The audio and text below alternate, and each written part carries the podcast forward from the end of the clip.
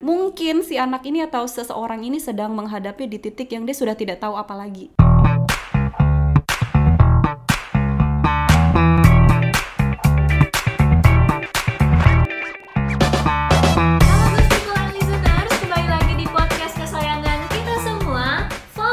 Voice of Ghost Podcast Segmen Cireng Cicet bareng Ghost People episode kelima episode kali ini Rizka nge-hostnya nggak sendirian guys Ada host magang Jadi gue sekarang- magang ya, gue magang. Sekarang posisinya terbalik lah Kita langsung aja sambut narasumber kita pada segmen Cireng episode kelima hari ini, Bu Fibri. Halo Mbak Rizka, halo Bang Erwin. Apa kabar? Alhamdulillah sehat, tetap semangat Mbak. Semangat meskipun Semangat, ya. masih PPKM level 3 ya Bu ya. Iya benar, tetap semangat. Dan ini kita rekamannya live ya guys. Kemarin kan kita via Zoom, sekarang kita alhamdulillah udah bisa ke kantor lagi ya Bu ya. Iya. alasan utama Bu Fibri kami karena waktu itu di salah satu online class ya Bu ya Iya, Ibu sempat class. sharing bahwa Ibu tuh ngerasa passionate gitu kalau ngedengerin orang cerita gitu kan Iya, dan akhirnya sekarang jadi salah satu job desk Bu Fibri nih di kantor gitu Kalau cerita awal mulanya, kalau basic banget itu dari kuliah. Kebetulan aku aktif di intra kampus juga ekstra kampus. Ini kan bermainnya organisasi. Secara otomatis kan kita dilatih secara langsung tidak langsung mendengarkan, menyampaikan, kemudian menjalankan misinya dan sampai ke tujuan organisasi. Nah, pas lagi kerja, pertama kali terjunnya di call center, Mbak, sebagai agent. Nah, agent call center kebayang dong ya. telinga ditutup gitu ya tidak melihat orang terus harus mendengarkan dengan baik kemudian harus bisa problem solving terus memberikan solusi pertamanya mungkin pergolakan banyak lah tapi lama-lama kok ternyata bisa memberikan solusi ke orang lain menjadi orang yang dipercaya untuk bisa mendengarkan ceritanya itu kayak sesuatu yang oh enak ya ternyata ya menarik gitu loh mbak Eh, kita bisa menjadi pendengar yang baik terus memberikan solusi dan mereka bisa menerima atau menjalankan walaupun sebenarnya tidak diminta itu sesuatu gitu mbak Rizka Tapi itu kompetensi unik banget sih mbak. Maksudnya kayak mendengarkan tuh sulit loh. Gue itu belajarnya berat banget untuk mendengarkan itu. Aduhai ya Aduhai. Iya, mendengarkan terus tersenyum, terus kalau kita mendengarkan dia lagi marah, kita juga tetap harus tersenyum. itu tantangan tuh, Bang Erin. Iya, saya. betul, betul. Mendengarkan tetap tersenyum. Tersenyum ya, walaupun tercabik-cabik, walaupun dalam hati ini kan bukan masalah saya, Iya. tapi ketika saya berhadapan dengan dia gitu kan, yang artinya ya kita harus menempatkan diri seandainya kita jadi, dia. Iya, betul. Baru kita bisa memahami, oke. Tuh ya namanya. Empati, Nah, itu empati, Bang. Jadi kita bisa dapat empatinya kalau kita bisa menempatkan kita adalah dia, gitu, Mbak Riz. Tapi itu orang yang passionate gitu atau memang bisa dilatih nggak sih? empati itu sudah ada dari sejak manusia lahir. Jadi sebetulnya itu itu Hmm. udah ada dalam diri kita, tinggal gimana kita mengembanginnya, tergantung gimana kita mau ngasahnya, kita mau peka gitu bahwa Oh, iya. ada Betul, empati betul. di dalam diri kita gitu. Kalau misalkan kita nggak ngasah ya udah mendem.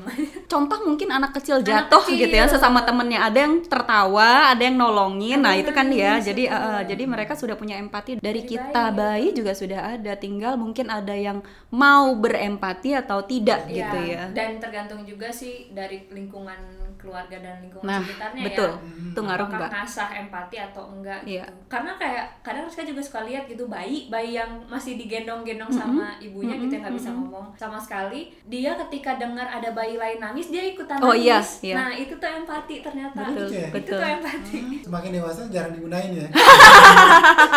Karena ada kepentingan lain. Tergantung ya. itu ke bawah hati nggak sih?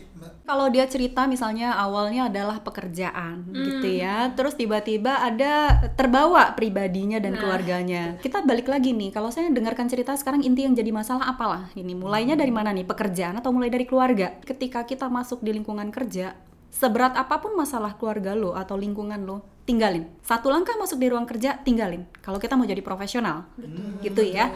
Nah, tapi kalau udah mangkut ke masalah pribadi, menjaga untuk ininya memang harus ada pagar di kita juga sih, Bang Erwin. Jadi, oh, pagar ya, itu tuh ya. Dan itu pagar itu harus harus ada, harus jelas gitu. Mana yang kita harus menempatkan sebagai dia, mana yang memang kita harus berdiri di kaki kita sendiri. Maksudnya kadang kalau ngomong itu harus ngelihat, oh ya saat ini masalahnya adalah ini. Oh ya saat ini saya kalau diminta memberikan solusi, role saya adalah di sini. Hmm, Oh. Jadi ngerti peran kita di Iya. situ tuh sebagai apa gitu ya, Bu, Iya. ya. Kadang orang itu kalau cerita sebenarnya bukan butuh solusi sih, Mbak. Boleh Lebih iya, cari temen untuk mau didengarkan gitu ya. sekali, Itu bener guys. loh, Mbak. Jadi, Jadi eh, jadi nggak bener tuh ya kayak dia langsung tiba-tiba ngasih jawaban lu tuh harus kayak kayak gini loh, Iya, harus kayak gitu lah. dulu. Enggak, dengerin aja bang Karena mereka butuh orang yang mau mendengarkan ceritanya Perkara solusi, jangan-jangan sebenarnya mereka juga punya lebih solusi dari yang kita kasih Iya benar. Orang tuh cuman pengen didengerin aja gitu. Iya, Kita benar. tuh sebagai istilahnya tempat sampahnya dia lah gitu. Iya. Karena pas ditanya kamu mau melakukan apa setelah ini dia udah tahu. Sudah tahu, Iya. sudah ada rencana Aku bahkan tuh kan mau ini mbak gini gini gini gini. Oh ya udah dari tadi tuh Nah. posisiku hanya pendengar aja. Iya, Gitu. jadi rata-rata sih teman-teman itu kalau mau cerita lebih keingin untuk mendengarkan. Kalaupun ada yang memang benar-benar masalah, bisa kita lihat juga sih mbak. Memang awalnya cerita adalah seperti ini, sebaiknya bagaimana. Nah itu lain lagi nih ceritanya. Kalau itu kan berarti dia percaya untuk cerita ke kita dan juga butuh solusi. Iya sih benar apalagi kalau di lingkungan kantor mungkin ada hal-hal yang ya mau ngomong sama atasannya pun susah gitu ya Bu. ya. Akhirnya lari ke Kita ibu. jembatannya ya. iya, iya itu Karena sebenarnya untuk menjadi se- seorang atasan harus mau untuk mendengarkan. mendengarkan. harusnya ya Arwin.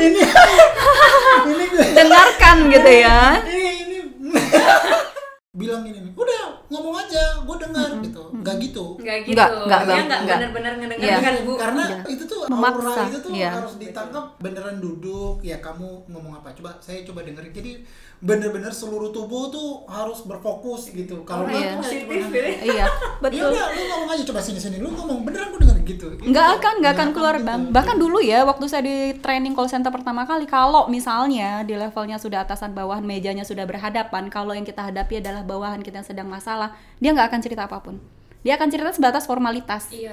Mm-mm. Nah, bener bener kalau mau supaya dia keluar apa yang menjadi masalah di dia tuh kita duduknya harus sejajar mbak. Kenapa misalnya kalau kita ngomong ke warkop misalnya ya, iya, iya, itu benar, lebih keluar Benar. Dan kita pun akan akan cerita ngalir tanpa harus dipaksa. Iya. masalah apa pun. Kenapa ya? Karena itu karena posisi duduk terus cara kita itu mempengaruhi dia untuk, mau cerita. mau terbuka gitu Betul. karena kalau di warkop maksudnya kayak lingkungan juga misalnya kayak kadang-kadang ada yang nggak keluar di meja meeting ya keluar di meja Iya. makan gitu Ah, jadi kan tanpa sadar ya itu bahkan sadar. akhirnya dia sampai cerita rahasia-rahasia dia bisa Iya. jadi kan itu kenapa bisa jadi problem solvingnya kita ke dia gitu ya. Iya, jadi semakin ini oh oke berarti dia adalah begini, dia begini, dia begini. Nah, kita semakin paham kan karakter si orang ini. Karena hanya mendengar aja Nah. kita dengan posisi dengan situasi yang tepat gitu ya. Tapi mendengarkan ini kan kita secara tidak langsung jadi membaca situasinya kan. Iya, oh, benar. anak ini butuh dipahami. Membaca orang dari dia men- men- Iya, betul kita, Mbak gitu. Tapi kalau kita di kantor cuma masalahmu apa? Nggak akan keluar, yakin Benar, deh. benar. Gitu. Jadi mereka butuh untuk didekati, didengarkan dan situasi yang enak. Butuh Berarti kita kalau misalnya mereka mau untuk deket atau bercerita, itu artinya mereka merasa nyaman dong ya. Ya, Jadi betul Bang percaya. Ewan. Iya Dan sih. percaya gitu. Rasanya gimana sih kalau misalnya jadi orang yang dipercaya banyak orang gitu tuh Mbak. Lihat banyak yang masuk di ruangan kalau sini berganti. itu belum yang WA dan tengah malam WA loh Bang Ewan. Wah, lain lagi ceritanya ya. Tapi saya ngerasain kalau memang kita sendiri kalau bangun tengah malam terlepas dari kita ibadah ataupun kita Hmm, tahajud iya. ya, itu suasana yang beda memang Bang Erwin.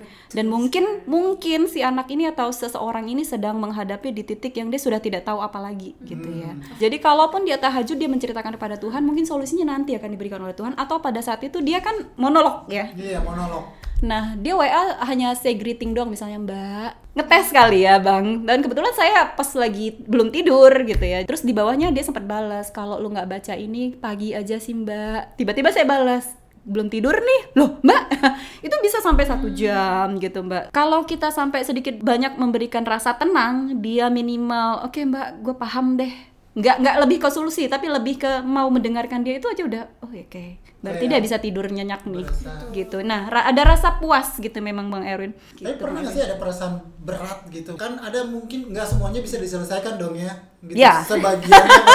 kalau kita berdiri di dua kaki ini ya bang Erwin kan berdiri di dua kaki. Iya, satu sisi kita di A, satu sisi kita di B, B, tapi kita harus lagi tuh. nah, tetap seimbang supaya kita tetap bisa jalan gitu ya, tapi tetap memperhatikan rambu gitu ya, tetap di koridornya, tidak keluar dari relnya. Itu tuh yang berat tuh Bang Erwin. Nah itu tuh rasanya bagaimana gitu? Hmm. Apakah oh, bisa tidur nyenyak?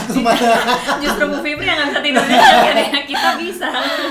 Kalau itu sih saya win-win yang Mbak Erwin. Artinya begini, kita lihat dulu masalahnya apa. Kemudian di satu sisi kan kita tetap harus bisa menyeimbangkan ini. Lebih ke membangkitkan rasa percaya dirinya, lebih membangkitkan rasa tenangnya. Kemudian kalaupun eh, dia bisa menemukan solusi yang lain itu lebih baik. Karena berjalan di rel dengan segala rintangan yang ada, tapi tetap terus harus memperhatikan rambu-rambu yang ada dan kita tetap harus berdiri tegak di dua kaki, tidak berat ke kanan, tidak berat ke kiri. Itu tuh sesuatu yang nggak mudah memang Bang Erin. Nggak mudah. Saya dengernya aja merinding. Nggak mudah. Pasti nggak mudah. Iya, kemudian apalagi kalau itu terkait dengan misalnya mohon maaf nih, dia tidak bisa bercerita ke atasannya. Kita jebatannya kan berarti walaupun sebenarnya dia kalimatnya jangan cerita ke atasan saya ya, Mbak. Eh, tapi ini masalah gitu loh. Nah, yang ada adalah kita harus memikirkan tanpa dia tahu maksudnya terbaiknya adalah apa. Mhm. Solusi yang akan kita kasih nanti memang mungkin tidak akan menyelesaikan masalah saat itu, tapi kan kita sudah tahu ada kendala yang harus kita selesaikan di sini. Pun Dan kita sebenarnya juga sendiri kalau mau ngomong ke atasan itu juga agak mikir juga gitu ya. Nah itu tadi Bang Erwin. Kalau kalau kita mejanya berhadapan, itu tadi nggak akan keluar ya. Tapi bukan bermaksud untuk ngajarin, ayo ke warkop enggak. Tapi maksudnya ciptakan suasana yang santai, yang Iya. enak. Kan sekarang lagi terbaru kan kita lagi mau berubah di konsep open Space. space, kan. Yes. Jadi yang nggak ada meja dedicated itu membuat jadi Iya. semuanya se- sejajar. Menurut gua tuh bagus sih. bisa lebih engage juga sih antara satu karyawan dengan karyawan yang lainnya gitu ya hopefully dengan adanya open space jadi orang bisa at least ngelihat gitu oh si teman kantornya sekarang lagi murung atau lagi senang atau lagi gimana Iya, gitu kan Iya betul betul Mbak Rizka. Nggak nutup kemungkinan memang beberapa ada yang juga konsultasi masalah pribadi. Bukan konsultasi ya, lebih pengen didengerin nih. Nah, saya juga belajar dari pengalaman-pengalaman sebelumnya gitu ya bahwa eh, yakinlah semua masalah tuh pasti ada ada solusi. solusinya. Ya, kemudian yang pertama kalau kita dapetin apa pun masalah tuh harus tenang dulu sih Mbak. Kita harus tarik diri dulu karena itu ada ya memang di hadisnya ya. Kalau kita marah itu kan sebenarnya kita disarankan untuk duduk dulu. Kemudian kalau ternyata masih ini kita disarankan untuk tidur, Tidur tiduran. berbaringnya. Kemudian kalau masih juga suasananya api amarahnya masih naik juga baru disarankan untuk wudhu. Kalau di quotes juga saya baca tuh kalau misalnya kita berhadapan dengan orang yang lebih tua hitungnya lebih dari 30. Orang yang masih muda kita hitung untuk tidak ngomong, untuk tidak eh, ngelawan dia bicara atau tidak menanggapi orang yang marah hitung 1 sampai 10. Orang kayak Mbak Fibri itu harus banyak gitu. Oh iya, Bang? Harus banyak gitu. Karena karena kalau cuma hanya satu kan ngantri panjang. Antrian ya, antrian satu, dua, tiga gitu ya, Bang. ya Tapi ya kalau ada ruangan gitu ya, samsak gitu sediain. Gitu. Iya, kalau di call center itu disediainnya Bang Samsak. Oh samsak? Iya, gitu ya? Bener iya, sih? beneran yang sarung tinju yang Sarung tinju, dia iya. miring ke kanan, miring ke kiri itu kan rata-rata gitu ya? cowok yang pakai. Kalau cewek dia lebih lebih sering teriak-teriak lepasin. Oh. Memang dibolehkan, tapi biasanya setelah begitu mereka minum teh, kalau cowok minum kopi, ngerokok gitu balik lagi hilang. Oh. Udah terlatih begitu, Bang. Kayaknya kita juga butuh kayak gitu tuh ya. Betul ya? Kita teriak-teriak di rooftop Soalnya atau kita rokok di bawah tuh nggak mempan kayaknya Nah, hebatnya di kita ya, mungkin terbiasa untuk mendem kali ya. Jadi terbiasa diam-diam untuk lah. tidak Oh, gitu. terbiasa untuk eh sudahlah gitu Iya. Orang kalau yang sudah mendem ketika di limit tertentu itu kan akan tumpah ya, Yes. Mbak Rizka ya. Nah, saya ngadepin tuh ada yang cerita gitu ya. Ini sebenarnya masalah yang mulai dari lingkungan kerja gitu ya, kebawa sampai ke rumah. Kemudian kebetulan kondisi rumahnya sedang tidak kondusif. Besoknya ke kantor lagi masih eh, membawa beban-beban sebelumnya gitu ya. Akhirnya ketika tidak tahu mau apa harus apa, pertama ketemu bahkan nangis dulu, Mbak. Iya. Ini gitu ya. Berarti kan Jadi udah berarti ngerti Ah, ah. ngerti Ngerti harus mau ngapain. gimana Nah, itu kan berarti dia sudah cukup berat loh nahan itu. Nah, Stresornya udah kanan kiri atas bawah depan nah belakang gitu. Itu tuh itu tuh bisa berbahaya loh sebenarnya. Bisa. Iya kan, berbahaya banget itu. Jadi Makanya kita harus menyediakan ruang gitu ya.